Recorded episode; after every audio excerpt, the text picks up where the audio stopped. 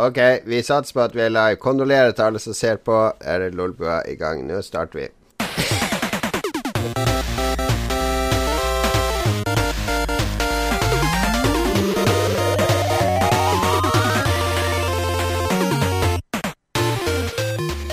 Neuf à la banque. I need Count. another thousand. I admire your courage, Miss. Uh, Trench. Sylvia Trench.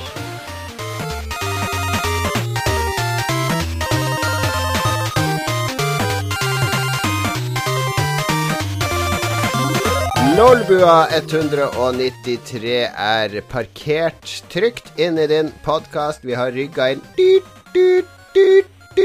Lukeparkert eh, perfekt inn blant de to andre podkastene dine, nemlig den om uh, Pornhub-podkasten. Og så over den igjen så har du den nye NRK-podkasten som eh, jeg tror Magnus skal nevne litt eh, senere i denne podkasten. Hvor mange podkaster abonnerer du på, Lars Rikard Olsen? Eh, noen 40 ish, tror jeg det var. Du har ikke tid til å høre på 40 podkaster i uka. Nei da. Men det, noen er bare sånn hvilende. Det er bare å sjekke hva som kommer, og så Ja. går det bra. 49, Marius, du er, 49. eh, du er, du er ikke sånn podkastlytter. Nei, jeg tror jeg følger kanskje fem, eller noe. Ja. Ja. Hvis jeg ser bort ifra de vennene våre, liksom. Ja, men de følger du bare. Du hører ikke på dem. Ja, det er helt korrekt. Ok, ja, jeg har et par, jeg òg. Vi er eh, Podkast-Norges eh, største stjerne på podkasthimmelen. Lolbua-konstellasjonen lyser skarpt over alle de andre som prøver seg, inkludert strikkepodkaster, eh, improteaterpodkaster. Eh, matlagingspodkaster, musikkpodkaster. Ganske lite musikkpodkaster. Det å lete etter norske musikkpodkaster er veldig lite. Veldig rart, det. Det er sånn generelt lite musikkpodkaster. Hva kommer det av, tror dere? Copyright eh, issues, tipper jeg. Kanskje. Det er et godt Du- poeng. Kanskje de bruker tida på, på å lage musikk i stedet for å prate om det. Ja, det er en podkast som heter Song Exploder. Den er veldig bra. Men da har de bandet med seg i studio og sånn her. Den er ok. Tror du lytterne merker at vi har verdens tynneste sendeskjema, siden jeg prøver fortvilt å dra ut tida ved å bare prate om Hysj, eh. Nå tror jeg de vet det. Kan godt hende de skjønner det. Eh, sånn er det av og til. Vi har eh, Det er ikke det at vi har gått tom for ting å snakke om. Eh, det er bare at Av og til så er podkasten som julekvelden på kjerringa. Det er liksom ingen som har rukket og tenkt så mye på det. Det var du som rusha det fram denne gangen, for nå skal du til Troms igjen. Nå tenker jeg at fagforeninga kaller, fordi du, har, du er jo tross alt i nærheten av å jobbe nesten 100 dager i året. Eh, og så bruker du sånn 150 arbeidsdager på fagforeningsmøter. Så nå har fagforeninga ringt igjen, nå skal du opp til Tromsø og feste, er det ikke så? Eh, Blir det en bra middag? Det ble noe sånn skrei, tror jeg det skulle spises denne gangen. Ja, den er i sesong nå. Mm, så det gleder jeg meg til. Det Det er er jo godt. Eh, matansvarlig for denne samlinga er en sånn matjournalist som driver, bor halve året nede i Frankrike osv., så, videre, så det, det her tror jeg kan bli veldig veldig bra. Skal vi snakke om sammenslåing av Norsk Journalistlag i Troms og Finnmark og Salten og litt sånn forskjellig. Så det kan Ja, for nå, de fylkene dere skal vel slå sammen nå eh, om to-tre år. Ja. Trøndelag ble vel slått sammen nå rett før jul, så det er ikke noe Nord- og Sør-Trøndelag lenger. Det er bare ett stort Trøndelag. Og det tror jeg alle trøndere egentlig er sånn ja, helt greit. Det er ingen som Jeg har ikke vært noen store protester som jeg har fått med meg. Og jeg har ikke hørt et ord om noen klage opp i Nord-Norge. Kanskje er det fordi at disse nyhetene ikke formidles videre til oss søringer. Hva er det Står dere bare der oppe og sier uh, hva farsken? Uh, ja ja, får det gå som det går, vi står han av? Eller er det illsinte protester mot kommunesammenslåinga? Nei, eh, det er ikke illsinte protester, men det er jo ingen som har noen påvirkning. eh, Men hvis du tar en spørreundersøkelse, så er jo folk selvfølgelig negative. Alle er negative til sammenslåing uansett, tror jeg. Det skal godt gjøres. Så du må liksom bare gjøre det. Men hva er poenget med å slå i hop eh, Troms og Finnmark? Jeg vet ikke helt. De skal liksom spare litt på fylkeskommunen og sånt, men jeg vet ikke. Jeg, fry jeg tenker at uh, det er jo sjarme å ha litt sånn Troms og Finnmark, er det ikke det? det er, hvordan skal turistene vite hvor de er? I'm in like Troms, Finnmark, I don't know, it's, it's fucking huge! Fucking huge, don't know where I am. Det er ingen turister som vet om Troms og Finnmark i utgangspunktet. De vet bare om byene der oppe. Har du lagt merke til at uh, klaginga fra Nord-Norge er alltid på et minimum når det er snøkaos i Sør-Norge? Ja, For da, da setter de seg tilbake i stolen og så ah, sitter de der søringene. Ah, nå snør det igjen, vet du. Nå er det Dette kan de ikke. Ja, hvordan går det? Er dere, har dere kommet dere ut siste uka, eller er dere Ja. snedd inne fremdeles? Jeg har jo eh, politiboots, så eh, jeg har jo de Mm. samme ekkoskoene som politiet i hvert fall pleide å gå med. Så eh, Ja, det, det snør satt... tett fortsatt. Jeg har måka snø i dag, faktisk. Så det er, det er mer snø nå i Oslo enn det har vært uh, på lenge. Siden krigen? Ja, jeg tror 15 14 år siden cirka, så var det en litt sånn her vinter, hvis jeg husker riktig. Eh, og, og jeg syns jo bare det er deilig så lenge snøen blir liggende. Når jeg med en gang kommer ned i lavere strøk nede hos Magnus, og sånn, Mm. så blir det mye mer slaps og smelt og sånn drit. Men oppe hos oss så er det hvite veier og det er hvite snøfonnet. Og det er bare fint. Men i morgen skal det komme mildvær, så Mm. og her, Tenk så lite vi har å snakke om. Nå sitter vi og snakker om vær. Hva, hvilken lytter er det som er interessert i det her? Det var Egvar som sa at det politiske engasjementet i nord eh, korrelerte med uh, snøkaos i sør. Altså, uh, eller eh, motsatt korrelert. Men uh, må jo huske at denne podkasten var- er jo egentlig en unnskyldning for å snakke med mine venner nede i sør, dvs. Si dere. Ja. Og, eh, og da må folk tåle litt sånn her Litt tull. Ja. Jeg har ikke snakka med dere siden forrige podkast. Jeg snakker aldri med dere, egentlig. Nei, og Magnus sto jo over forrige podkast. Ja, ja, ja. Da hadde vi jo en rein nordnorsk en. Der var det hyggelig. Så nå er det mer tilbake til hverdagen. Eh, Tilbake til spydighetene og Ja. ja. Jo, vi var kanskje litt mer har da savna mine, mine eh, vennskapelige stikk. Ja, det blir jo Det blir mindre sånn kjekling og sånt når det er en ny person som ikke kjennes godt. Det er jo naturlig. Det, Sånn er det. Målet skal jo være at vi blir kjent med han såpass godt at vi fornærmer han litt på slutten og gir han noen stikk så han aldri vil være gjest mer, eller hun. Men det, det var hyggelig sist. Det var Veldig hyggelig eh, å snakke med Mattis, som mm. vant eh, NM eh, Ikke NM i gameplay, men spillprisen. Vi kan jo oppdatere lytterne på hva vi har gjort i det siste. Jesus lord. Ja. Er det noen som har noe, noe jeg Prøver å tenke på hva jeg har gjort. Det bare ble kjempestille. oh, ja, vi har jo hatt den der eh, superuka. Men eh, Jon Cato, du har vært involvert i så å si alt jeg har gjort i det siste. Um, Du, du, du skulle ta dama di ut på middag, husker jeg, Magnus. Gjorde ja, du det? gjorde. Ja, ja, det det? gjorde jeg. Ja, ja visst. Vi spiste på en dritbra indisk i Oslo som akkurat er åpna igjen etter uh, oppussing, som heter ja. India. Fridde du? Mr. India. Fridde du samtidig? Nei, jeg fridde ikke. Nei, jeg, Hvor lenge har dere vært i dag? lag? vi, har, vært- vi har vært sammen i 30 år nå. 30 år! Nei, det Må jo faen meg frite jo dama. Faen heller. Hun begynner å bli Hvor gammel er hun? 50? Ned på kne. La, Episode 200. Kanskje du kan fly til henne da, fra scenen. oi, oi. ja, La oss bygge forventninger om det. Vi, da, vi må cue opp noe sånn giftemusikk. Det blir bra uansett.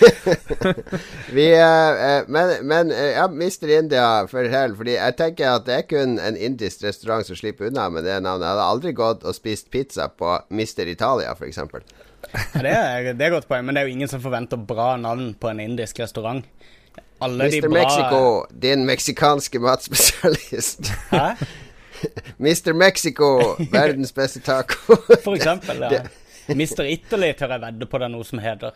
Men um, ja. nei. Jeg, jeg vet ikke hvorfor vi lar de slippe unna. Hva spiste unna, du da? Ble det butter chicken, eller Jeg spiste Ja, hva var det? Lam i uh, sånn spinat hva Må ikke spørre Magnus hva han har spist. Det tar, jo- da er vi ferdig i morgen. Lam og spinat. Nest okay. sterkeste. Det pleier å være min oppskrift. Hva er nest sterkest? Er det det de kaller for vindaloo? Nei, Vindaloo er vel den sterkeste, er ikke det? Jeg glemmer Ja, alltid de har en sånn hemmelig etter vindaloo, har jeg hørt. Hvis du, hvis du spør etter vindaloo flere ganger på rad, så, så får du se Pst, vil du heller ha den? Altså, den har et annet navn, som er enda sterkere. Ja, jeg vet ikke om alle indere er med på akkurat den eh, smakskonspirasjonen du nevner der, men det er mulig noen opererer med det for, eh, for eh, når landsmenn kommer på besøk, f.eks., så er det jo ikke umulig at de Kanskje. Har et Men det var godkjent. Det var god Det er indisk. dødsbra. Det er skikkelig bra. Det er den dyreste indiske i Oslo, tror jeg, sammen med den her på Frogner, som også er knallbra, men eh, men eh, ja, det koster, men det smaker vi, vi var nesten litt skuffa over hvor godt det var, siden det er så dyrt der. For da er vi nødt til å fortsette å spise der. Ja.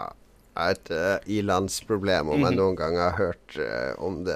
Lars, har du kommet på noe fra Ja. livet ditt nå, da? Jeg, har, jeg jo ble skikkelig deprimert av vår felles bekjent. Eller du kjenner jo mye bedre enn meg. Dere er jo gamle buddies. Per-Willy Amundsen. Gamle justisministeren fikk fyken i forrige uke. På torsdag var hans siste dag. Måtte gi fra seg nøklene til hun uh, farsken hun heter, hun litt gærne Sylvi. Listhaug. Litt gale.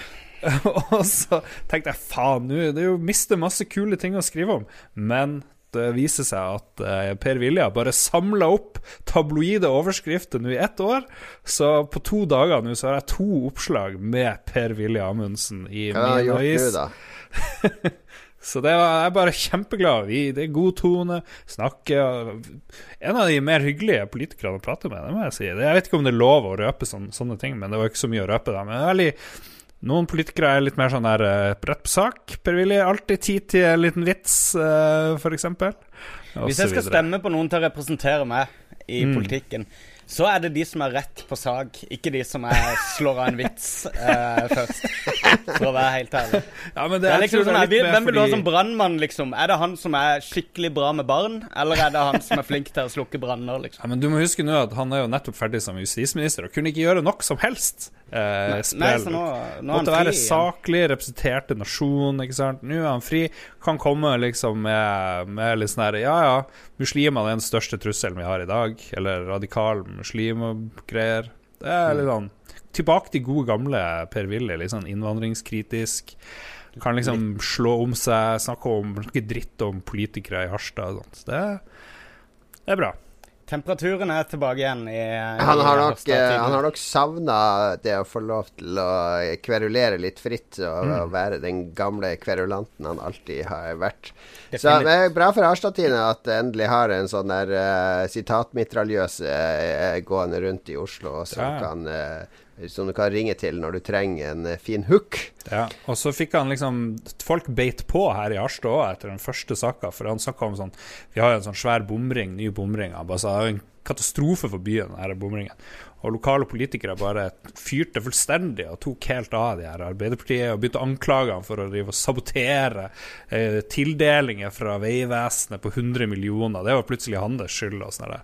Ja, morsomt. Alright, vi må videre i podkastmerket. Jeg ser vi har mistet- vi har mista fem hører- eh, lyttere. FPU-Lars eh, klarer ikke bli s- Jeg hører lyden av folk som sveiper nedover i podkastlista for å finne noe annet å høre på akkurat nå. Eh, mitt liv i det siste Jeg har vært altfor mye sammen med Magnus, eh, men uh, det, det går greit, det. Det Helt, helt, Helt hyggelig, hyggelig, det. Eh, helga mi var Hva gjorde jeg helga? Jo, jeg var jo konferansier i, på, i Det Stavanger. var du. På Stavanger konserthus for Stavanger Symfoniorkester, som hadde spillmusikkonsert. Som var en veldig kul opplevelse. Jeg landa jo i Stavanger. Da lava det ned snø, da. Så jeg trodde jeg hadde flydd feil. Fordi jeg trodde ikke det skulle være snø på vest, Sør-Vestlandet. Men eh, det var det masse snø. Og så inn i en taxi, for jeg skulle rett på øvelse på eh, fredag for å få med meg den siste øvelsen før generalprøven. Og eh, jeg klarte jo å komme i taxi med Stavangers mest pratsomme taxisjåfør. En sånn fyr på 64 eller noe sånt. Som i løpet av de 20 minuttene fra flyplassen til konserthuset lærte meg alt om traktor, om jordbruk i Stavanger jernområde, om elbil versus bensinbil, om hytta hans i Telemark, om eh, byplanlegging i Stavanger, om trafikkbildet i Stavanger, om brøyting i Stavanger, om bystyr... Jeg, jeg, jeg satt og nikka og sa ja. Aldri har lært så mye på så kort tid om et sted. Så sånne taxisjåfører syns jeg alle, alle byer skulle ha. Gir deg en sånn quick innføring i den. Men eh, ja, konser konserthuset er fem år gammelt, eh, veldig flott. Og så kom jeg inn, får sånn eget nøkkelkort med navnet mitt på. Og så har jeg fått sånn eget backstage-rom med sofa og dusj og bad. Og da følte jeg meg som uh, kongen på haugen. Leo Ajkic hadde sitt rom lenger ned, for det var noe sånn her eh, What? oljeselskaparrangement som hadde leid inn Leo Ajkic og Gabrielle og noe greier. Oi, oi, oi. Så derfor jeg mega meg med fiffen eh, og, og skrev mine cue-cards og øvde. Og konserten gikk eh, veldig fint. Det var 1100 tilskuere. Våre venner i Red Crew var jo selvfølgelig til stede. Dro en av de opp på scenen for å spille Tetris. Og ja, var gøy. Gøy. Eh, var, det, var det noen vitser du hadde skrevet som, Som sånn her konferansier må du ha noen vitser. Var det noe bra du kom på? Eh, jeg hadde noen sånne tørre vitser. Hva var det? Jeg må, uh, må tenke tilbake. Det var litt sånn på sparket. Eh, og, litt sånn kommentere forrige låt, eller et eller annet sånn. Men nei, det var ikke sånn Nå ikke skal vi sånn høre musikken fra Oil Imperium. Nei, vent litt, den er avlyst. Oljeeventyret er dødt i Stavanger. Vi beklager det. Sånne vitser tror jeg ikke går så godt. Jeg prøvde å være med han taxisjåføren. Med sånn der det kom en, uh, han, ha- han kjørte sånn hybridbil. Taxi. Så jeg bare Å ja, er det lov i Stavanger? Tok jeg. Han bare Ja.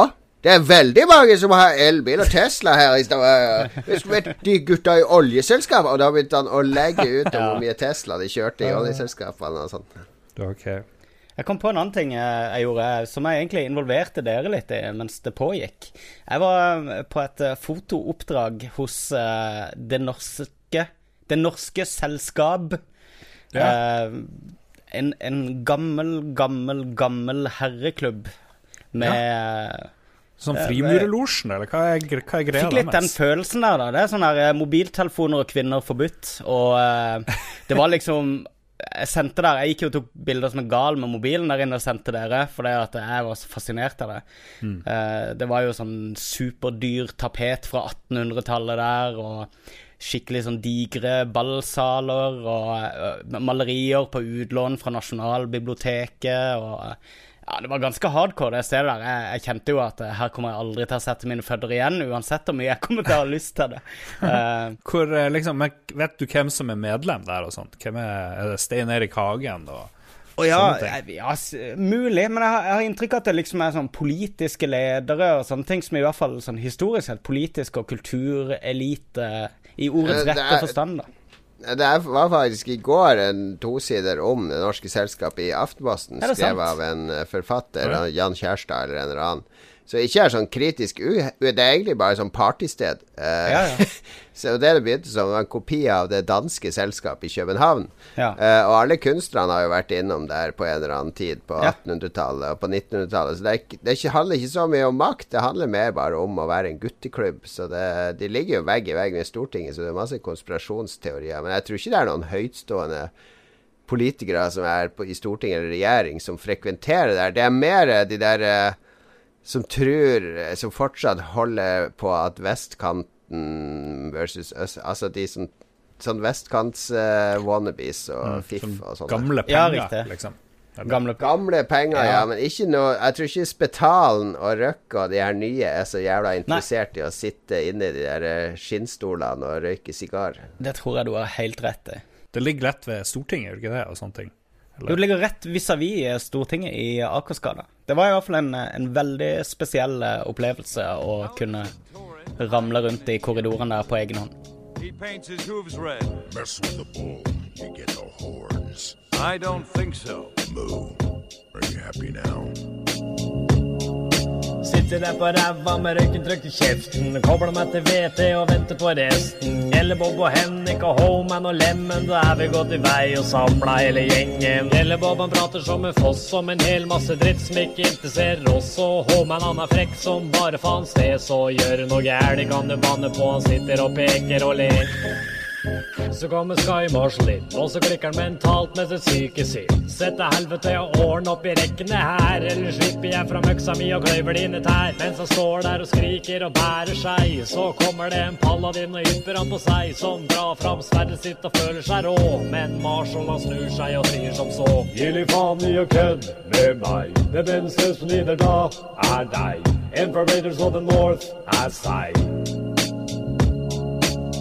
Gi nå faen i å fuck med oss. Vi digger alle sammen her og slåss. Vi eier deg så jævlig hardt, ditt lås.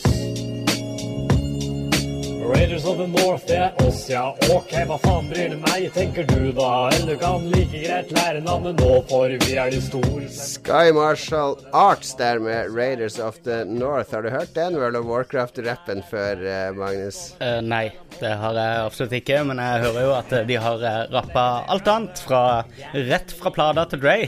Som Ja, den- er ganske ballsy. Det er vel uh, hva, hva er det Det er sikkert Det her er noe rett rundt Vanilla eller noe sånt. Det er han Sky Marshall Arts uh, Han lagde en del musikk. Han lagde en del coverlåter av Commodore 64-musikk. Eh, veldig litt sånn slick, synt-aktig. Men han har en del låter der han synger på, og det syns jeg er gutsy gjort. eh, Å bare by på seg sjøl på den måten, selv om du kanskje ikke er en popstjerne. Så all ære til Sky Marshall Arts. Vi eh, skal over i TV-mediet, var det det som var temaet i dag?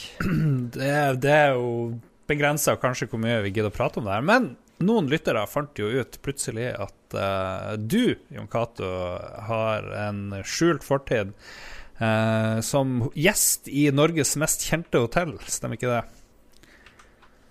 Uh, ingen kommentar. ja, nei, jeg har vet du, tenker på Hotell Cæsar-TV-serien på, Ja. på TV2. Ja. Ja. Jo, jeg har, har vært med der. Ja, og det var ganske lenge siden. Du så ganske ung ut da, og sånn. Ja, det, det her var i uh, 99 Det var når du var i Japan. Uh, Ja. Det var vel i 99, eh, 2000, Stemmer der det. omkring. 99. Og, eh, og da bodde vi egentlig i sånn kollektiv på Lørenskog, men når du var i Japan, så bodde vår venninne Liss der. Eh, og, og jeg, på den tida så drev jeg og jobba Jeg var litt vikarlærer og studerte litt, og jobba litt på Akersmik. Jeg hadde trappa ned Akersmik-jobben, for jeg var så utrolig lei av å jobbe i butikk. Eh, og så, så da hadde vi sånn ettermiddagsrutine, jeg og Liss, hver dag at vi hadde laga middag, og så så vi på Cæsar mens vi spiste, da. Det var liksom vår serie. Og da innførte vi sånn konkurranse da om eh, vi- så i serien at de etterlyste statister. Så hvem som, bli, hvem som ble statist først, da. Så vi registrerte oss begge på nettsida til TV 2. vi vil bli statist, og så måtte vi fylle ut sånn skjema. Har du hatt uh, skuespillerroller før, da? Så jeg bare Yes, sir. Dissident Aggressor skrev jeg opp, som er den der gamle filmen vi lagde i Harstad. Ja, veldig bra film. Det er en god Ja. film. Jeg, jeg gjorde alt for å komme før Lise. Jeg fikk rolle før Lise Uh, ble ringt opp. Ja, vi trenger en statist uh, i morgen. Mm. eh, med dialog, da. Fordi det var Hva var det satsa? Jeg tror du fikk 500 for å bare være statist i bakgrunnen. Det er for åtte timers jobb, altså. Og 750 hvis du hadde bitte litt dialog. Så ja, jeg selvfølgelig slo til på det. Så jeg var jo en hel dag på det settet. Ganske kjedelig. Det er jo bare venting hele tida. Du gjør jo ikke en drit i denne episoden. Det er sånn ti sekunder. Er du med? Ja, jeg, jeg skal gå til Svein i resepsjonen og be om nøkkelen. Altså, de, akkurat da så har hotellet De har sånn der eh, intern konflikt om de skal vise porno på eh, PayTV på rommet eller ikke. Han Svein er selvfølgelig forkjemper for det, så han kjører sånn kampanje. Så gir meg en sånn brosjyre da om det porno, ja til porno og sånn. Eh, og den brosjyren eh, tok jeg jo vare på etterpå. Den tok jeg jo hjem til vår venn Tom. Eh, som han hadde den hengende på korktavla si i alle år. Den der Hotell Cæsar ja til porno-brosjyren. Ja, Var det en ekte brosjyre? Det sto Ja. Nei, det var jo bare et A4-ark som de hadde kopiert på en kopimaskin. Var det noe der- tekst på? Ja, det var sånn porno og kryss her hvis du vil ha Ja, så, så noen hadde faktisk skrevet all teksten på, på eh, skjemaet også? Det er kult. Ja, noen, noen hadde brukt to minutter i Word på å, å lage det skjemaet. Ja, ja, men det, det er imponerende. Det er Det en offisiell kjent som serie. Hotell Cæsar-rekvisitt, da, så jeg kunne sikkert lagt den på Finn. Ja. Vært tatt på av han Svein. Fikk litt Men det eh, var den gangen. Ja, jeg fikk som, som sagt litt vibber fra The Room-scenen med Tommy Wiseau, som. Nei, må du gi det. Så ille var det da ikke.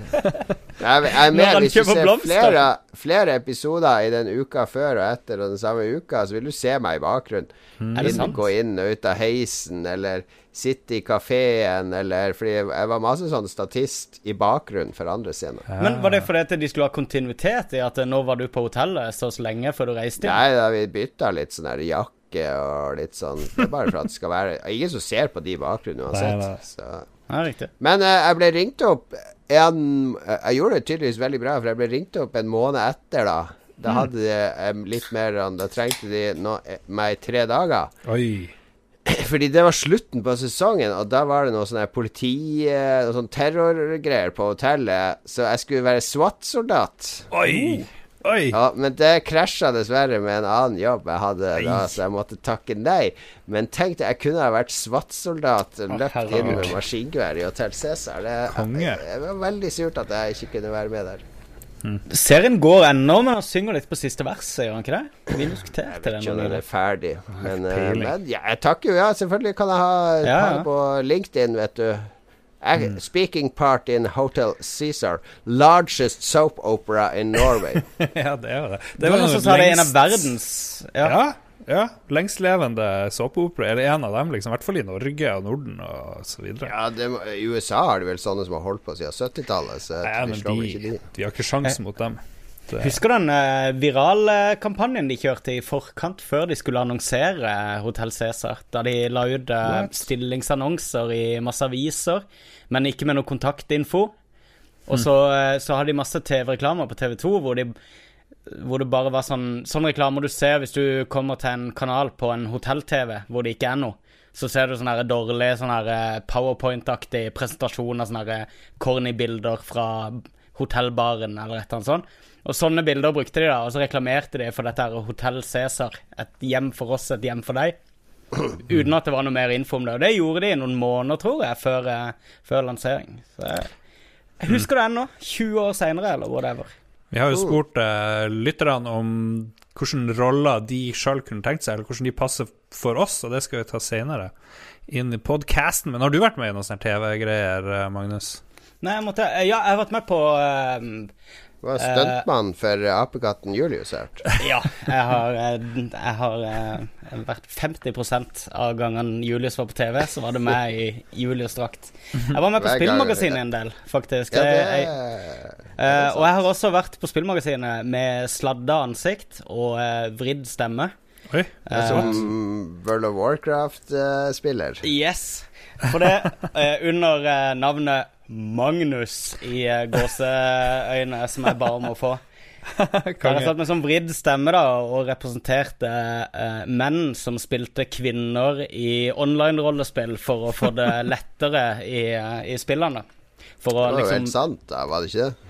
Jo, det var jo eh, Jeg hadde jo en eh, damekarakter. Tingen var at eh, på den tida der så var spillet sykt mye lettere hvis du spilte en damekarakter i stedet for en mannekarakter, rett og slett. For det, folk gikk rundt og gjorde ting for det, de kasta penger etter det, og ja.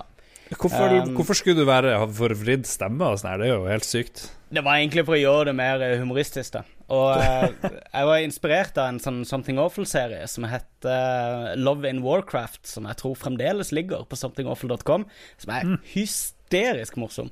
Kult. Det som var gøy, var at vi satte oss ned, og, og så skulle jeg bare lage en ny character, og så skulle jeg liksom prøve å gå rundt i Goldshire og, og snakke til folk, og så prøve liksom å få sånn napp, da.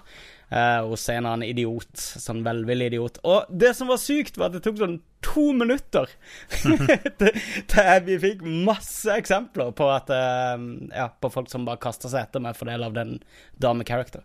Så det var litt Du har, vært, eh, du har vært en virtuell prostituert på TV. Ja, jeg har, det Prostituert og prostituert, OK. Det er nice. Eh, Du da, Lars. Jeg vet at du lagde en del sånn der uh, jalla lokal-TV der oppe Mm. for NRK og sånn. Ja. Jeg jobber i Jeg hadde en TV-serie som het Kulturuke jeg hadde oppe i Finnmark. Det var litt kult. Det var litt pro. Da hadde jeg en produsent og greier og opplegg. Så det, vi reiste rundt og, og styrte på. Men uh, Du har jo også laga i Harstadtiden om en som får fiksa på øyenbrynene sine og sånn. I Harstine har de mye teite innslag. Vi har en, en dramatisk reportasje når det ble springflo i Harstad, f.eks. Løp rundt i byen for å lete etter springflo, fant en sånn sølepytt. Så det var liksom det nivået, da, uh, på det. Men uh, jeg vært ofte inn på Ja, men ja, har, dere, er ja, du, dere har vært foran kamera, men bare som dere sjøl? Eller har dere spilt noen roller? Er det actors sånn som meg, eller er det bare Jeg vil jo si jeg spilte en annen person når jeg gikk under et annet navn. For mitt navn er jo da ikke Magnus i eh, hermetegn. Ja. Ja. Jeg var med på en lokal uh, kortfilm, og jeg var jo med i Kill Buljo. Ja, Hvert der, der har du claim Det, to fame. det kan du godt Ja. nevne. Ja. Men jeg lurer på om jeg bare er i ekstramateriale, men jeg var nå til stede. På. Du ble klippet ut, og så er du bare i Nei, ekstramateriale. du, ser, du ser meg, men jeg tror ikke, kanskje ikke du ser trynet mitt i eh, liksom, hovedfilmen. Hva var du? Var du zombie? Jeg var bryllupsgjest, en av Nei, de som ble drept bulle, ja. eh, i starten. Ja. Ja. Nettopp. Nettopp. Jeg, men jeg ble tilbudt rollen som prest, tror jeg, eh, på et tidspunkt der. Men jeg feiga ut. Jeg torde ikke. Var- Men i min hemmelige drøm om å Du må aldri feige ut. eh, Det er jo eh, Du har jo bare ting å vinne på å gjøre de tingene. Man klarer det. Vi er jo oppegående folk. Herregud. Ja. ja. You Yes, eh, det var våre TV-film... Kari... Kari... Nei, vent. Jeg har jo faktisk vært skuespiller i en film som Oi. kommer på kino nå i år. What? Uh, ja, for jeg, jeg tror jeg Er du kinoaktuell, fortalte det i fjor. Ja, det er vår felles venn eh, Martin Bergesen, Magnus. Ja. Eh, han er involvert i en del kortfilmproduksjon og sånn. Ja. Så de har drevet laga en sci-fi-film som jeg trodde skulle bli 20 minutter, men nå er den i sånn 45 minutter. Så det er ikke sånn helaftens Hollywood-film. Men Mm. eh, jeg spiller jo en forfatter der. Jeg tror jeg har fortalt det der før. Ja, sikkert. Så, og så eh, er det sånn intervju med meg, liksom sånn Skavlan-intervju, der vi drev og filma inne på et bibliotek i Oslo. Og så vi drev og filma litt på et sånn busstopp der jeg står og vifter bort en drone. Og, så der spiller jeg, eh, spiller jeg en annen enn meg sjøl, faktisk. Er du sånn method actor da, Jon? Var det sånn at du eh, var umulig å snakke til, sånn som Jim Ja, Carrey jeg skulle eh, være Jeg tror han var liksom modellert etter en litt sånn eh, eh, mer snuskete Knausgård. Så- Mer snuskete Knausgård. Er Ja, ja, er vanskelig å si, men jeg husker ikke hva den filmen heter. Men hvis jeg skal sjekke om den er, er ferdig snart og kan ses 45 minutter. Det er ingen filmer som er 45 minutter som noen gidder å se. Det er bare sånn her tulle, En episode av uh, Sopranos er 45 minutter, for Ja, for eksempel. Jeg kom på, jeg sa også nei til å være zombie i død snø, for da måtte jeg ligge ute i sneen en hel dag. Det gidder jeg jo ikke. Så eh, ja. Komfort over eh, krea kreativitet og utfordre seg sjøl for Lars. 100% 100% er så redd for snø oppe i nord, vet du. 100 eh, På tampen, hvis vi sjøl skulle gitt oss sjøl en drømmerolle i en, en eller annen Altså en TV-serie som har vært, Ja. som vi hadde gitt alt for å være med i en liten rolle. Hvilken serie og hva slags rolle ser du for deg da? Jeg tenker jo eh, for Magnus sin del umiddelbart så må det være et eller annet i Sopranos. Ja, jeg, jeg, burde ha vært, eh, jeg burde ha vært til stede på kamera et eller annet sted. eh. Ja. Det kan være bare en cameo et eller annet sted. ja, ja, ja. Ehm, ja, nei, hvor, hvor skulle jeg være da? Jeg husker ikke helt hvor jeg var sånn aldersmessig når serien gikk, så hvor jeg i så fall hadde passa inn. Uh, Jeg jeg tenker, ku- jeg tenker rollen for deg hadde vært Mm. at en kommer inn på den italienske kafé Badabing? Bada bing. Der, Bada ja. Kommer inn litt sånn full eh, og så, og så later som du er i sånn skal prate litt sånn italiensk gangstergreier, og så kommer det et par av de sopranskene bort og gir deg sånn skikkelig stygge blikk. Ja. At du bare backer ut. «Oh, OK jeg, jeg, Ja, jeg, jeg, det, altså jeg hadde tatt whatever. Jeg kunne godt ha blitt eh, drept av noen av de hvis de hadde ønska det. det. Det hadde vært en ære å bli knerta av Gandolfini og co. Men mm. nei, vanskelig å se for. Jeg, jeg kunne mm, Jeg tenker aldersmessig så hadde jeg jo vært en kompis med hun dattera til Tony, tror jeg. Tror det hadde Da tror jeg jeg kunne sluppet unna med en rolle på college der. Men jeg vet ikke, hvis jeg skulle velge en serie eh, annet Nei, Ja, vanskelig å du det kunne vært uh, eh, voldtatt dattera til Tony, og så ble sånn sånn og torturert og drept av eh, Jeg liker Jon Cato. Det, skal ikke så mye til liksom å komme og se hvordan Jon Cato anser meg. Nå skal jeg bli ydmyka eller voldtektsmann. Det her er det jeg tenker bare rolle som passer for deg, ikke hvem Ja, du er er som person. Jo, hvis det passer meg, så, så sier det vel litt om meg som person. Men uh, vet du hva? Jeg hadde, jeg hadde med glede tatt whatever de hadde kasta etter meg for å være med i uh, Sopranos. Du Jon, hvor ville du vært med? Nei, jeg har jo levd Jeg har vært med i Cæsar, så det er jo uh, Ja, Kanskje har, noen å høy... Nei, jeg hadde vært TV. med uh, jeg måtte funnet opp en tidsmaskin da. Det hadde jo vært ultimate hadde vært med i en episode av Fleksnes, selvfølgelig. For å være bare statist på Vinmonopolet når Fleksnes kommer og skal veksle, veksle inn uh, pante sin skjulte kapital, som han kaller alle tomflaskene sine. Jeg har, jeg har alternativ, Jon Cato, til din, din serie. Du kan være med i det der forspill til han der eh, Howard på NRK2, tror jeg det var. Du viste Der ville du ha vært med. Nei, du kunne vært med. Det jo, du var veldig fan av den serien. Det var, Vi skulle alle tre ha vært med der og stått og dansa på dansegulvet. Det hadde vært Lett. ultimate. jeg kom på der om dagen, så jeg måtte finne opp en episode, og da var det første han Howard sier Hei, snuppa, skal du være med bort på Babestanga? Har du, eh, Marius, har du sett vorspiel? Uh, nei, nei, jeg har ikke sett det. Du har nok fortrengt det, men det ligger på NRK-appen Vorspiel. Jeg tror jeg har snakka om den òg før. Det var et mislykka eksperiment fra NRK Troms for å lage live fred... Nei, det var ikke live, det var fredagskvelds... Jo, det var live, fordi de kunne eh, fakse inn ting. Mm. Fra et utested i Tromsø. Det er, no, det er noe av det flaueste jeg noen gang har sett. det er jeg, jeg foreslår vi gjenskaper vorspielstemninga på episode 200. Ja, veldig bra. Det høres kleint ut.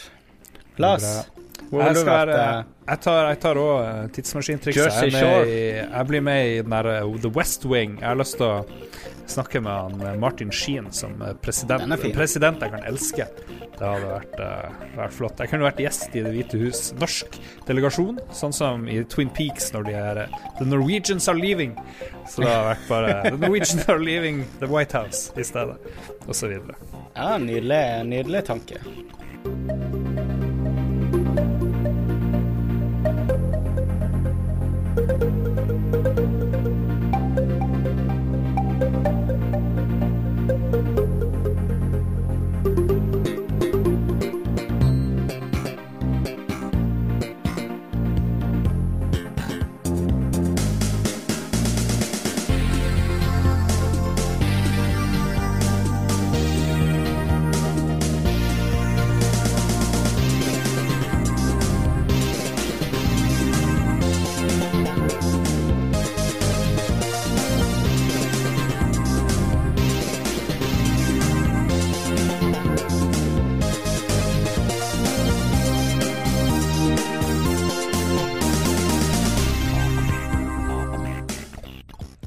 Det er litt kaos nå, kjære lytter, fordi eh, Jon Cato, lille far, eh, nede i Oslo Han måtte stikke nå i pausen fordi det kommer en kar og kobler ut strømmen. som, som han sikkert burde huske på, men Jon Cato har ikke betalt strømregninga, så nå kommer eh, Futen og, Ja. eh, og tar strøm og varmt vann fra hele familien. Det er veldig synd, men det kan hende han kommer tilbake. OK, skal vi se. Vi skal snakke om hva vi har spilt i det siste. Uh, Magnus, du er den eneste som ikke har skrevet noe i sendeskjemaet, så Ja. det blir en enorm overraskelse når du skal fortelle hva du har spilt siden vi snakka sammen i forrige uke. Dun, dun, dun. Jeg, har, eh, jeg har jo allerede anbefalt det til deg, sånn på tomannshånd. Ja. Um, det var et spill uh, Jeg skal ikke ta krediten for å ha kommet over det. Det var min lillebror faktisk som tipsa meg om det. Mm. Eh, et spill som dukka opp som plutselig, som veldig overraskende dukka opp som Game of the Year et par steder plutselig. Og um, et rollespill som heter Battle Chasers Night War. Et dritfett turbasert eh, rollespill som har litt følelsen av om Altså, hvis Blizzard skulle lage et JRPG, så Mm. tror jeg de ville lagd eh, dette spillet her. Det er basert på et tegneserieunivers fra årtusenskiftet som eh, ifølge min venn Gøran er en ganske crappy serie, men som faktisk egner seg eh, ganske strøgent som eh, bakteppe til et rollespill.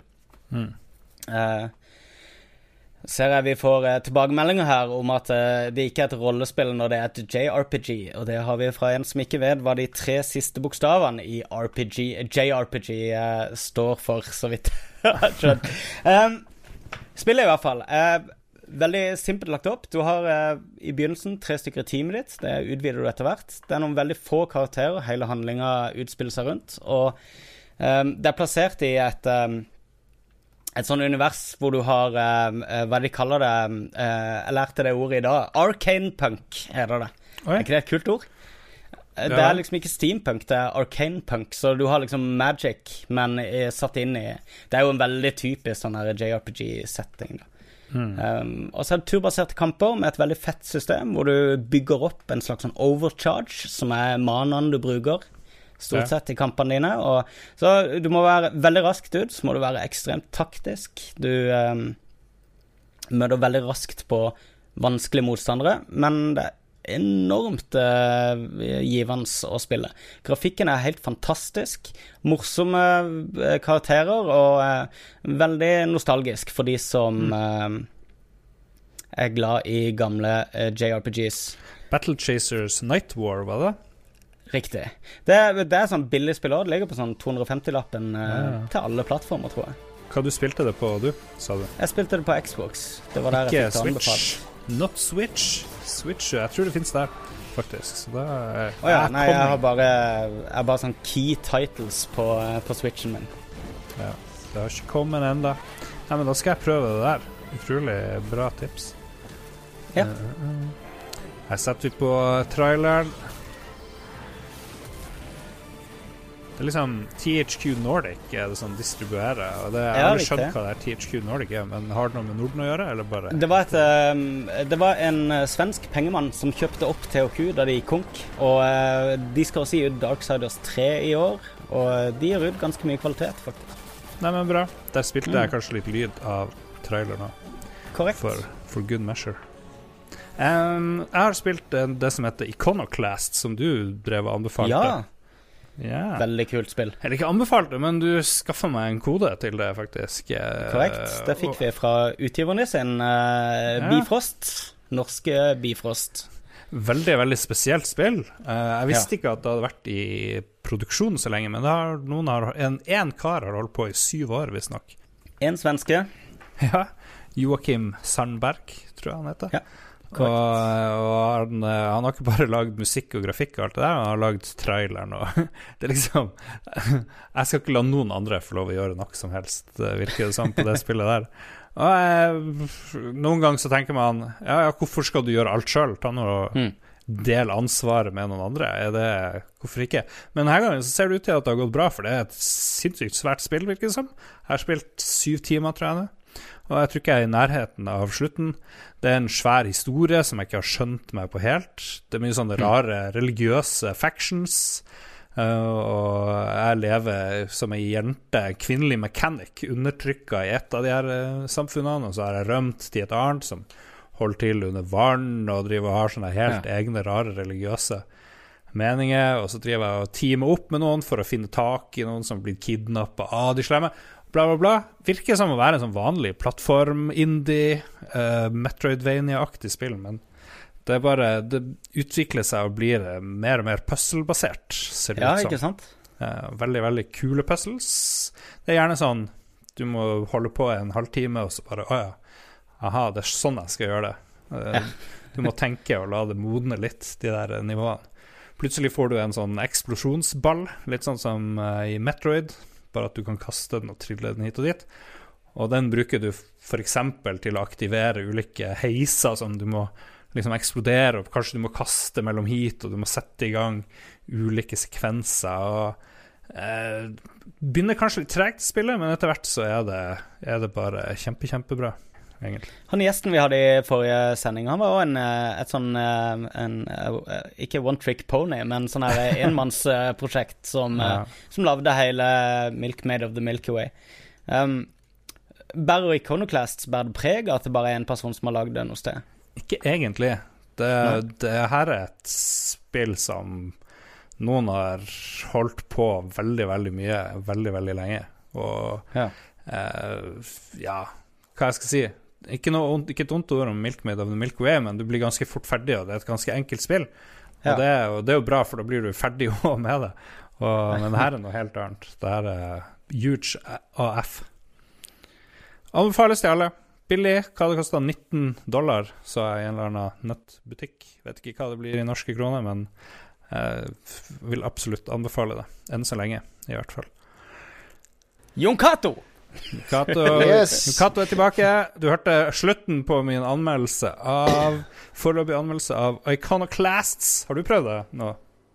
Eh, bare litt i starten. Jeg har ikke Jeg, jeg, jeg holdt bare på med egentlig Det var din skyld, Lars. Jeg begynte å spille Division igjen, så jeg driver og prøver å levele meg opp til 30. Ja. Eh, og det er, det er veldig avslappende og gøy. Eller ganske vanskelig. En del vanskelige oppdrag, spesielt når du soloer. Men uh, jeg har det gøy. Er det solovennlig nå? Ja, fra 1 til 30 så er det Ja. egentlig ganske solovennlig. Fordi, men du er nødt til å Hvis du bare spiller det som en Gears of War-shooter, så det er en del sånne bosser sånn du må være litt mer taktisk på. Ja. Bruke litt forskjellige granater. Først så brukte jeg bare sånn frag-granat, fordi det er mest Det mest uh, tilfredsstillende. Bare jo, og så pff, svær eksplosjon, og så noen dør, og noen blir litt staggera og sånn. Men så fant jeg ut at jeg må bruke EMP-granater mot litt sånne elektrobosser og um, eh, kan drikke vann for å få pluss 20% skade på elitefiender. Og det var masse sånne små consumables som jeg ikke visste om, som jeg lærte her om dagen. da Ja. Som ga meg et lite overtak i noen vanskelige sånne bosskamper. Men eh, jeg syns jo den verden er veldig kul, da. Den der New York i ruiner. Det er et kult konsept. Det er blitt gjort i mange spill, men, men de har eh, Det er litt den der Ubisoft-greia med at det er oppdrag overalt. Altså liker jeg at historien fortelles i mobiltelefonopptak og sånne små still... Sånne hologram-stillbilder. Ekko, eller hva de kaller det. Ja. Eh, At du kan drive og samle litt sånne underveis, for det er utrolig mange av de da. Så jeg gidder ikke å samle de systematisk. Jeg bare Oi, her løper jeg forbi et, et allé, og så ser jeg oi, der inne er det noe, så kan jeg gå og hente den. Og så små puslespillbrikker som skaper den verden, fordi Ja, så, så snart du kommer over at det ikke er Gears of War og ikke en shooter, men Diablo med skytevåpen, så tror jeg de fleste finner seg ganske godt til rette. Jeg husker du kritiserte det opprinnelig, Jon, at, eh, at aimen din var styrt av terningkast, så, som ga en veldig sånn rar følelse i et skytespill. Ja, ja, det er den initielle aimen er jo styrer du jo sjøl, da, men så har du jo en masse accuracy og recoil og sånne stats Ja. eh, som du ikke har så god kontroll over, i hvert fall ikke i starten. Eh, så eh, altså den, Bosser de tåler 100-150 headshots, liksom. Ja, riktig. Så du må jo være innforstått med at uh, en kar som heter John Cooper, som er en terrorist, må du skyte 200 ganger i hodet for at han skal dø. Det er jo realistisk. det, det var det som var vanskelig å svelge når du kommer rett fra Destiny. Som, Destiny er mye mer skill-based shooter, der en skilled fyr med dårlig gir vil gjøre det bedre enn en eh, dårlig spiller med bra gir. Mens Ja. i Division så er det mye mer som i Diablo, at du kommer deg opp Altså, utstyret er alt, ikke sant. Og skillen din er viktig, den òg, da, men, men eh, den spiller mye mer på lag med utstyret. Ja, og så Det var jo dette med bossene i begynnelsen ble de òg veldig kritisert for. For det, sånn jeg skjønte, så har de jo skikkelig Det er versjon 2.0 på mange måter, er det ikke det, dette spillet nå? De har Ja. retta opp i alt de ble kritisert for. Og en av tingene var at bossene var veldig lite sånn, taktiske. Det var mer bare sånn bullet sponges som bare skulle hamres ned. De er fortsatt bullet sponges, men det er litt mer taktikkeri å ta de, Ja. føler jeg da. Men nå har ikke jeg kommet til endgame ennå, så det er jo mer Lars som er der. Ja, riktig. Spiller du på PlayStation eller PC nå, Jon? Jeg spiller på PlayStation, for det er jo der Lars og konsollbøndene er, så det er der jeg har folk å spille med. Hvis jeg Ja. skal spille på PC Stresset med å spille på PC er at de få som jeg spiller med på PC, sånn som Mats og Frank, de er sånne power gamers. Så Ja, for meg som ikke har. Ja, hvis jeg begynner å spille noe med de, så kan jeg være med første og andre session, og så Ja. må jeg kanskje dra til Stavanger på et arrangement, eller så er det Coop, eller så er det quiz, eller så er, må jeg spille inn podkast. Og så neste gang jeg kan være med og spille, så er de hode og hals foran meg, og så tar jeg de aldri igjen. Har ikke spillet et her companion-system, eh, Lars? Det vet du kanskje mer om? Hvordan companion-system? At uh, hvis du har med deg folk på lavere level, så, så kan de på en måte tilnærmes din level og være med på høyere ting. Det er vel heller motsatt. Synes Eller er jeg. det Det med en gang du har en som er mye høyere level, så bare dauer de lavlevelene med en gang, for de bare møter karer som er litt for sterke. Så det, det er litt vanskelig Det blir sånn snitt, så man bør være omtrent sammen. Men det er bare et problem problem fram til level 30, da. For Ja. da blir det mer likestilt. Hm. Ja. Jeg kom på noe morsomt. Beklager å avbryte, men dere kan tenke på The Division. Men jeg kom på i eh, det her Iconoclast, så er det Jeg nevnte at det var sånn religion og sånt. Og det er den første religionen eh, du møter, det er liksom Mother er den store greia. Så da er det masse eh, shrines av ei sånn dame eh, som er overalt. Og i neste verden så er det Så bare tenkte jeg å shit, det her kommer det til å bli sånn Gamergate-bråk av. Fordi de tilba mor og far og barn, og det var liksom hellige treenighet, og alt annet er feil og sånn der. Så jeg tenkte ja vel. Spillmiljøet, spillutviklermiljøet er jo veldig åpen sånn eh, for diverse orienteringer og konstellasjoner sånn privat. Ja. Men, eh, men jeg har, ikke, jeg har ikke kommet forbi til der hvor det liksom vises at det er helt feil. Men uh, så inntil videre så holder jeg sjansen åpen for at han der uh, Iconoclast-duden er en sånn eh, religiøs fanatiker som kun anerkjenner mor, far og barn. For det er liksom det, det er de snille så langt i spillet. Det er 90 sjanse for akkurat det. eh, Snakk om eh, den der modderdyrkinga. Eh, for Lars har ikke bare vippa Jon Cato over i gamle spill. Jeg har også blitt eh, leda inn i fristelsen av Lars og spiller nå Horizon eh, for fulle mugger. Jeg har Nice. endelig blitt hooked på det. Jeg går med på det. Det er et dritbra spill. Jeg koser meg ordentlig. Med Forza Horizon? Ja, men Nei. det er jo du master om lenge. Du er jo sånn Xbox-spiller, så har du ikke spilt det før nå. Jeg snakker om uh, Horizon Zero Dawn. Det er andre Forza Horizon. Uh, altså på PlayStation, da.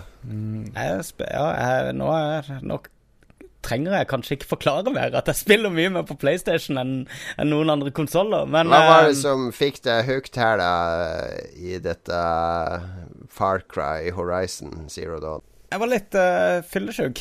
Så var jeg klar for å sette i gang med et uh, litt for stort eventyr, sånn som jeg ofte er hvis jeg er litt fyllesyk. Og så satte jeg meg ned med Horizon, og så tenkte jeg, så hadde jeg fått tips fra Lars om å bare sette på skylappene og bare drite i alt og bare gå rett frem uh, et lite stykke, så, så setter spillet seg etter hvert. Og det viste seg å stemme 100 Det er mitt tips til andre òg. Det er litt kjedelig og litt uh, typisk uh, og generisk i starten, men uh, jeg syns det utarter seg veldig etter hvert. Og mye mer action enn jeg, enn jeg forutså. Det er på en måte et, et De gjør alt Assassin's Creed er drit på, gjør de helt riktig, syns jeg. I, eh, Men har du drept i alle sideoppdragene? Nei, nei, nå, er, som... nå gjør jeg alt 100 igjen. Nå er, nå er skylappene av. Men eh, jeg trengte det for å bare komme meg ordentlig i gang med storyen og få motivasjonen til å fortsette. Ja. Nei, for det var det som vippa litt med. Det var spesielt han der eh, fargerike idioten som skal utrydde alle disse bandittleirene. Ja, Som du møter jevnt og trutt. og de bandittleirene var jo Det var sånn skikkelig Far Cry med å drive og ta noen fiender på avstand, så løp de rundt som noen hodeløse høns. Det var sånn en halv time med dritkjedelig eh, eh, eh, beleiring bare for å få cleara det fra kartet. Ja. Altså Når jeg begynte sånn systematisk med det, så tenkte jeg det her er ikke verdt det, liksom. Nei. Jeg er helt enig, men du må liksom Det er litt som i Witcher, da. At du, du må variere ditt eget gameplay. Det er litt opp til deg om spillet skal være gøy, eller om det skal være bare en, en jobb fra ende til ende. Ja. Det er vanskeligere. Du må være din egen manager nå når du spiller. Slitsomme greier. Vi hører på litt sånn ordentlig spillmusikk nå fra noe ordentlig spill, nemlig God Hand. eh, Det legendariske skytespillet fra Platinum.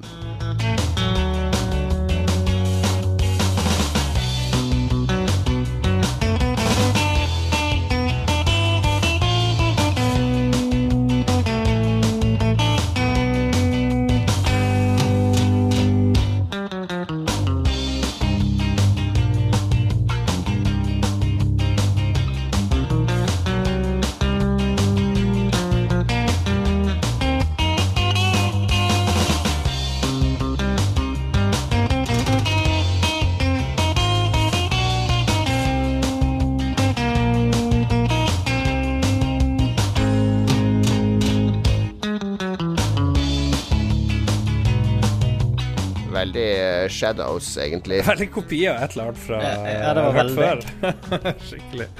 Uh, PS, noen lurer på hva den første sangen du spilte i dag. Husker du hva det var? Det var? nå noe Final Fantasy Jalla. Final Fantasy Jalla. Bare å søke på Final Fantasy Jalla, folkens.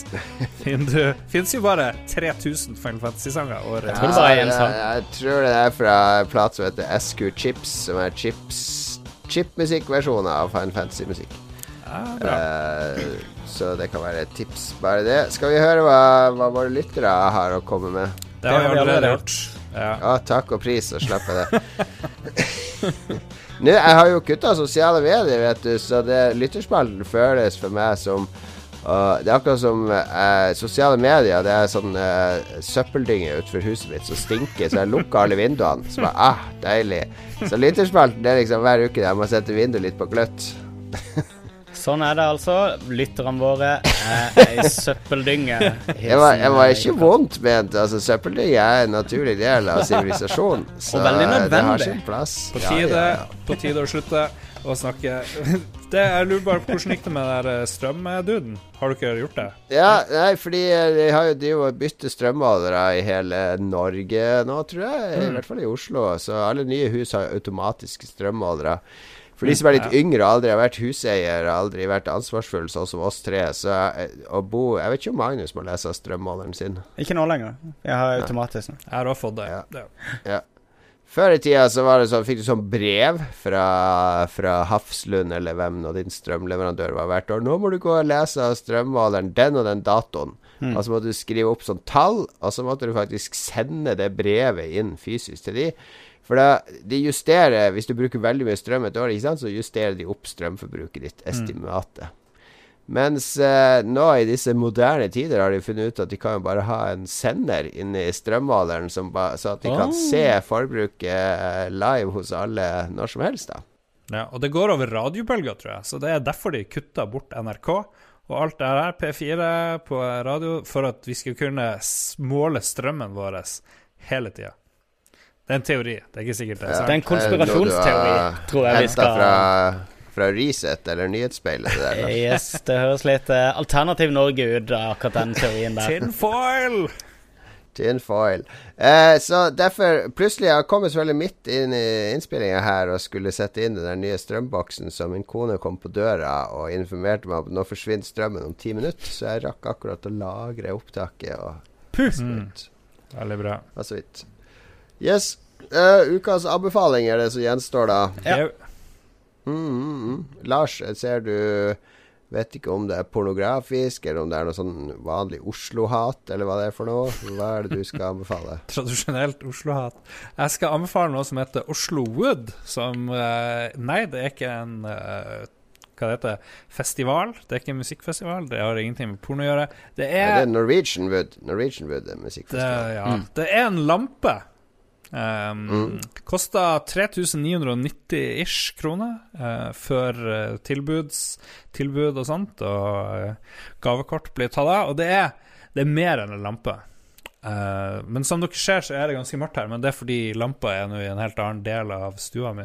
Det var det jeg skulle Men- spørre om. Kan du se det du anbefaler fra der du sitter? For Ja. det pleier å være tradisjonen, ja. Lars. Ja, det kan jeg. Det kan jeg. Yes. Selvfølgelig kan jeg det. Ja, hva er det som er så bra med den lampa, da? Oslo Wood-lampe. Alle dere og andre googler den her, for dere ser med en gang når dere finner Ja. Oslo Wood. Dette er en lampe som vil noe mer enn å bare lyse. Dette er en lampe som vil si noe, og som har noe på hjertet. Og det er det minner kanskje litt om en sånn her eh, Den der Pixar-lampa som Jeg liksom, skulle til å si det. Jeg tenkte Ja. på den med en gang, faktisk. den, er, den er på vei et sted, og den her ser mer ut som den studerer noe.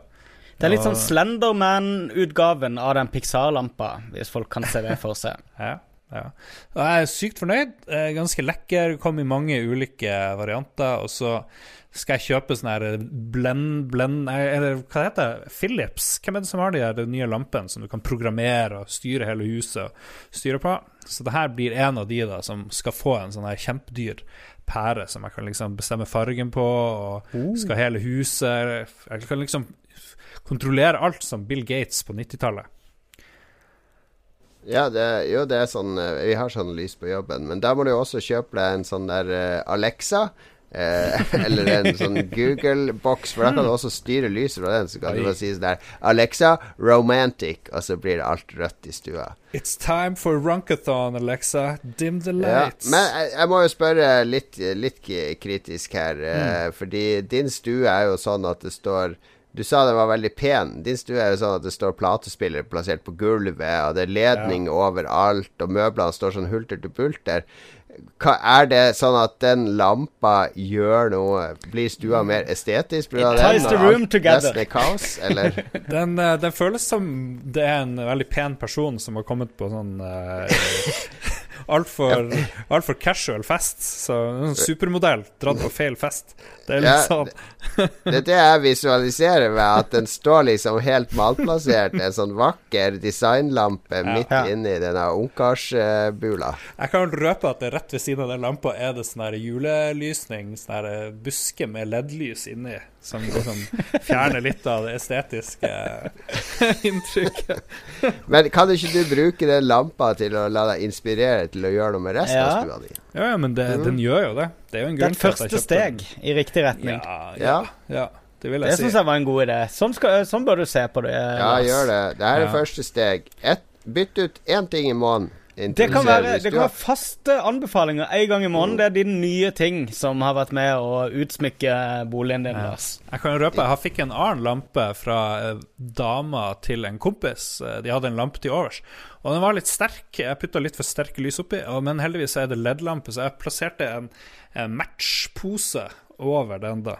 Fin rød med sånn julemønster som demper fint lyset i den delen av rommet. Så det, det må jeg kanskje gjøre noe med, f.eks. Right. Så, så det du sier til lytterne nå, at den der eh, Oslo Wood-lampa ser ut som noe en junkie har stjålet og sittet inn i narkoreiret sitt, der han har den LED-lampa med plastpose over att.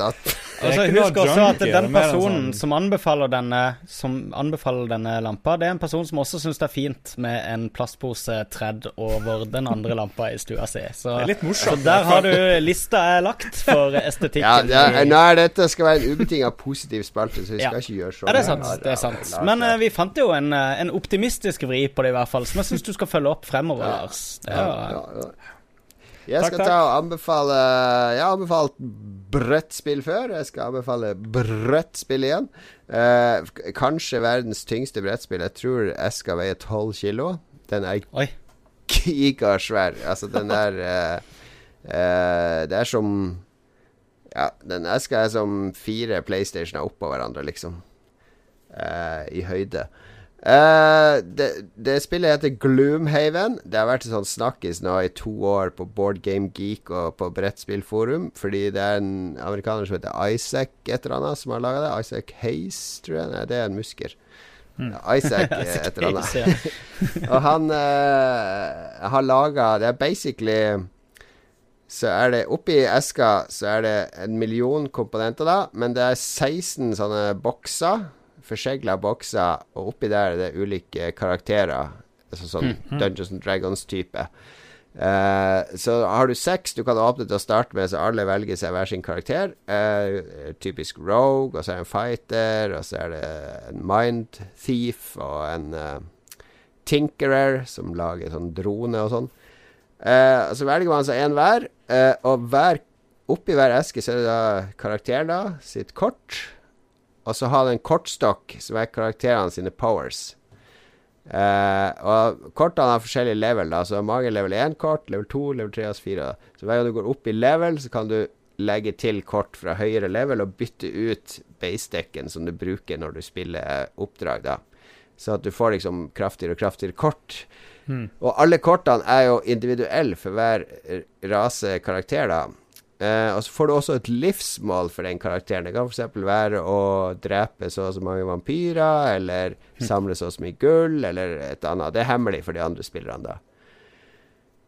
Og så har du et digert kart, svært kart, der det er et bilde av byen Gloomhaven, og så er det tegna en masse fjell og skoger og sjøer osv. Og, så og hver gang du gjør et oppdrag, så låser du som regel opp nye oppdrag. og Da klistrer de nye steder på kartet. da Hver en hule der, eller et slott der, eller en mansion der, eller Kult. eh, et eller annet. Eh, så, som du da kan ta når man skal velge. Ja, hva skal vi gjøre nå? Vi har fire ting vi kan gjøre. Vi kan gå til det spøkelseshuset der, eller vi kan gå til det vulkanfjellet der det var en som var kidnappa. Eh, velger man hva man skal gjøre. Og vært en diger scenariobok med meg over 100, eller 100 scenarioer da, for hver av de stedene. Og der plasserer du ut map tiles og fiender og traps og Alt eskalert til hvilken level du er party er på da. Fett. Så det er liksom balansert uansett hvilken partysammenheng du har, og hvilken levelspredning man har, osv. Uh, og det, er- det er som å spille Dungeons and Dragons bare uten en dungeon master. For det er regler for hvordan fiendene skal bevege seg og sånn. Så man Det er trenger ikke ha ganger bedre å spille uten uh, sånn Dungeon Master av og til, tenker jeg. Da får alle være med. Uh, det er så Ja, jeg, jeg ekskluderende. syns òg å det. sånn Vi har spilt det nå fire sessions. Vi har spilt åtte av de scenarioene, og vi er helt uh, hekta fordi det er Du slipper alt det tullet òg i dungeons. Eh, det er ofte det som er morsomt, å bare surre rundt i byen og, Ja. og barslagsmål og sånn tull. Ja, Men du har også sånn citykort her der det skjer ting. Så forrige gang vi var i byen, så var det en som ble pickpocketa.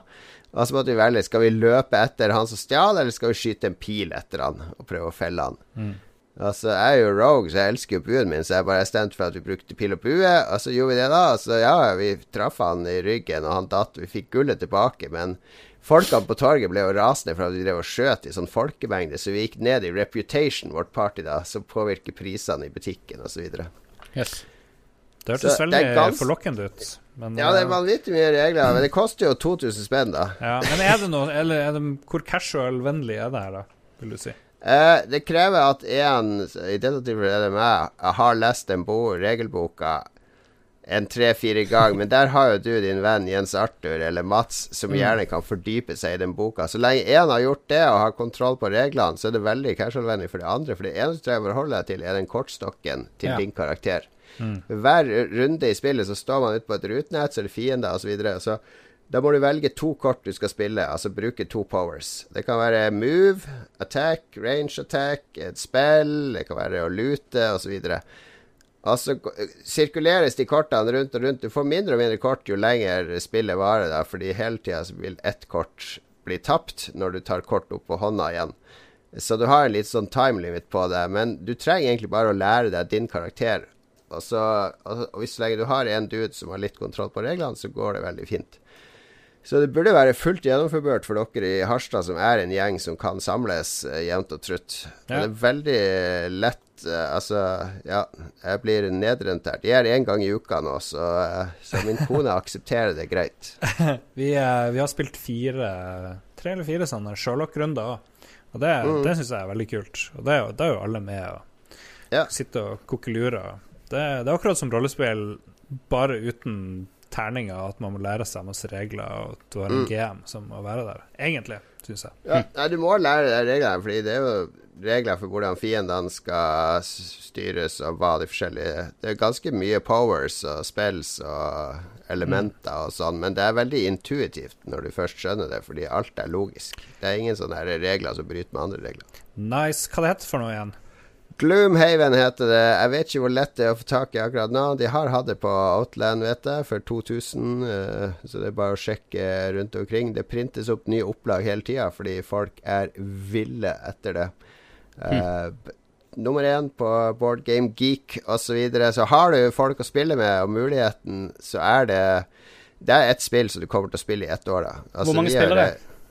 Fire spillere. Hvor mange gang. minimum? Men minimum for man kan gøy? godt ha en spillerbase på seks. Det er bare at du sam bør samle Det kan være to eller én òg, hvis man vil. Én er litt kjedelig, da, syns jeg. Ja. Men eh, du kan være to til fire. Men du kan godt ha flere spillere, så at du annonserer at nå spiller jo onsdag, og så de tre som melder seg, får komme og være med. Ikke sant? For alle kan ha hver sin karakter.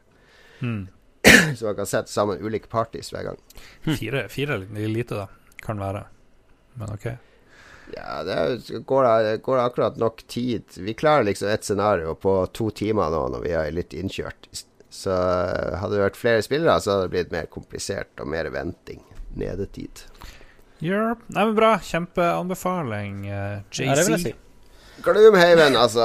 Magnus, du skal ja. eh, nok en gang takke Statskanalen for at du får lov å betale lisens. Yes. Lenge leve norske myndigheter. All hail NRK. For de har uh, starta med en ny podkast. Eller de kaller det podkast. Vi diskuterte det litt tidligere i dag. Ja. Heter det podkast hvis du lager en sånn dokumentarserie i lyd, lydformat? Ikke vet jeg. Men uh, ja, det distribueres som en podkast, og det er en del av podkastsamlinga Ja, de- Problemet er jo at podkast i denne sammenhengen betyr jo bare en lydfil distribuert på internett. Jo, men så er litt på måten de snakker på, da. Disse her uh, journalistene som, som snakker i denne sangen, de snakker akkurat som disse her serial-damene uh, gjør. Ja, ja, ja. Um, så du får litt den serial-følelsen, men de har ikke lagt på musikk, og de har ikke dramatisert det, og Hvis ikke det Eh, er, det- hvis ikke det er masse tre-fire menn som bare sitter og babler og babler og babler, så er det jo ikke nei, en podkast. det er ingen det er dialog i det hele tatt. Dette er uh, Her er det noen som har en monolog til deg, og serien heter um, Hele historien. Var det ikke det den heter? Jo. Hele Hele, historien. eller Hele historien, som det heter på østlandsk. Uh, og, og utgangspunktet er at eh, NRK har tatt for seg en, eh, et knippe store hendelser i eh, moderne norsk historie, og de har intervjua de fleste involverte i disse eh, episodene i etterkant. Der de går grundig gjennom hele hendelsesforløpet og snakker med de aktuelle personene etter hvert som de dukker opp i historien. Og Den første episoden som har kommet nå, tar for seg eh, drabet på Benjamin Hermansen. Og det er veldig interessant. De, har, de begynner på tidlig på 80-tallet med Arne Myrdal og FMI og dette her. De snakker om innvandringa til Norge, de snakker om eh, utviklinga av eh, fattige strøk på eh, Oslo østkant, og åssen eh, innvandringsskepsis blir til nynazisme, og du har ungdomsgjenger og tilspissing som bygger seg opp og opp og opp. Og de fleste involverte, dessverre ikke noen av de nynazistene som var involvert, eh, blir intervjua. Også politiet som etterforska og, og, og fulgte med på nynazistmiljøene på 90-tallet. Jeg var jo veldig engasjert i, i akkurat den eh, kampen der på 90-tallet, så jeg kjenner jo veldig igjen hendelsesforløpet. Og vi, vi er jo i gang nå med en ny sånn høyreekstrem bølge her i landet, hvor eh, de denne gangen har tatt på seg eh, slips, men det er jo de samme skinheadsene som vi husker fra Boot Boys på 90-tallet. Jeg tror for de yngre yngre nordmennene som ikke husker, som ikke vokste opp på 90-tallet og husker dette hendelsesforløpet, så tror jeg det er sunt å vite åssen åssen det gikk forrige gang, og åssen alt kulminerte i et drap som, som sørga for at uh, politiet kappa ned hele miljøet og begynte å, å behandle de som, som ekstremister. da. Så eh, Det, det skjer jo i bølger, vil jeg påstå. Det var jo Ja. 70-tallet òg. var jo Erik Blücher og, og nazistene og marsjerte i gaten og sloss Yes. med sosialistene.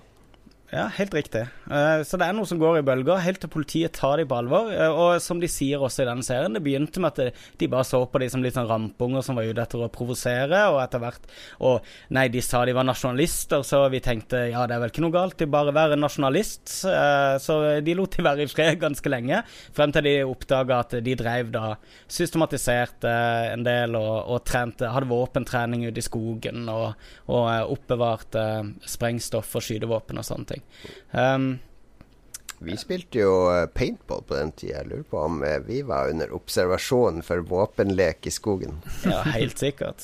I Kristiansand så hadde vi jo veldig mange av de nynazistene, og de hang jo med denne gjengen i Oslo, med disse Bootboys-guttene. Og eh, Jon Cato, du har jo bodd i Oslo lenge. Du husker kanskje at eh, der eh, Rett ved der eh, Hell's Kitchen, den eh, pizzarestaurant slash utestedet ved Youngstorget, det var en gammel, eh, gammel nazipub i Oslo sentrum. Ja, det var Trappa het den. Der Yes. eh, var vi eh, Fordi det var, det var et veldig rart sted. Fordi det var live-rollespillere brukte å henge der. Oh, ja. Og transvestitter og nazister. Det Ja. var de tre grupperingene som hadde det som base, da. Så det var ganske Ganske bred kultur der, egentlig. Merkelig. Vil si bredere enn på de fleste steder. Ja. Men jeg husker vår venn eh, Frank, som har vært gjest før. Han brukte Han, han drikker jo ikke, men han brukte å møte venner på trappa, for det var sånn live RPG-miljø der. Morsomt. Såpass, ja. Mulig han bare var nazist, jeg vet ikke. Men eh, Det, det, vet, det vil vi aldri vite sannheten på. vi får aldri den ekte sannheten. Vi har i hvert fall én sannhet, og det er at episoden har kommet til en eh, vakker slutt som vanlig, selv om han måtte hoppe ut midt pga. strømproblemer. Var en litt sånn tafatt episode, hvis vi skal ta oppsummering. Ja, det en høydepunkt, vil jeg si. Med litt ja. hard klipping her, så tror jeg det kan løftes. eh. Ja, Jon må Cato er i eh, Lars-modus i dag og driver og dementerer før vi er ferdig med, med. Vanligvis Lars som river ned sendinga når Ja, det er er jeg ferdig. sier. Ja, men jeg har, vært, jeg har kommet forbi den der depressive fasen og nå på den positive. Uh, by the way, eh, noen har gitt denne episoden navnet NRK versus Adolf Hitler. Veldig lite prat om eh, NRK. Litt NRK, men veldig lite Adolf Hitler. da. Ja, vi hadde disse naziene, da. Ja, det var det. Farsken. Det, det ble det, da. Det ble det. Og det var jo et NRK-program om eh, Om nazister. Ja. Farsken. Jeg leste også en artikkel om hva heter det der eh, amerikanske uh, nazinettsida, den der eh, front Daily Stormer eller noe sånt. Daily Stormer, ja. Det var noen som har lekka de writing guidelines for Daily Stormer. Ja. Og honoraret for å få eh, skrive sånn artikkel for de er 14,88 dollar. ja. Er det det, ja? Som jo er eh, den generasjon idioter sin humor, ikke sant. Ja. Ja. Men det var ganske, ganske interessant manifest, de der eh, reglene. Men eh, det kan vi spare til en annen gang. Eh, takk for at du hører på uh, Lolbua. Det var bra du fikk pressa inn litt Hitler og nazisme på slutten, Lars, så det ble ekte sending. Eh, Magnus eh, hadde jo allerede gjort det, så jeg bare fikk det ikke med meg. Yeah, yeah. Hva, skal, eh, hva skal neste episode handle om? Jeg må bli bedre enn det her, i hvert fall. Da blir det NRK Se- Nei, det blir TV 2 mot Mussolini. Nei, nei, nei. Send oss nå tips, folkens. Du hører en desperat trekløver som sitter her nå. Vi er uh, vinterdeprimerte, slitne. Lars driver og putter plastposer på lampene sine. Uh, Magnus ja. spiser Vindaloo-retter for å glemme For å få smerte i munnen, for å glemme smertene i Bare for å livet. føle noe.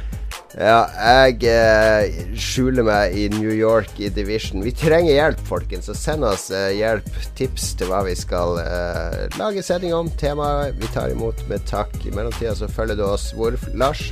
På uh, må joine vår fantastiske entourage, Finn Lolbua Entourage. Lolbua Entourage. Vi har bikka 600 medlemmer. Finn Lolbua-gruppa, finn lolbua.no, og finn Mm. oss på Soundcloud hvis du vil. Men mest av alt, gi oss en anmeldelse på iTunes. Det vil Ja. hjelpe mest, tror jeg. Gi oss like mange stjerner som uh, du vil samle i Mario, så blir vi fornøyd. Uh, har du noe å legge til, Magnus? Ikke så mye, egentlig. Jeg er ferdig for i dag. Ferdig. Takk for i dag. Takk for at du hører på. Vi snakkes igjen om en uke. Ha det bra! Ha det!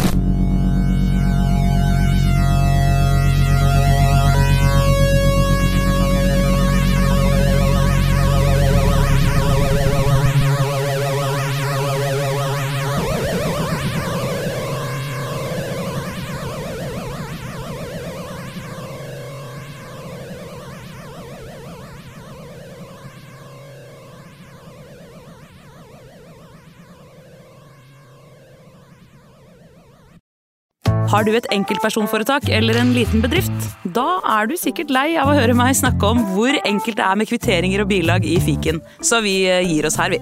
Fordi vi liker enkelt. Fiken superenkelt regnskap.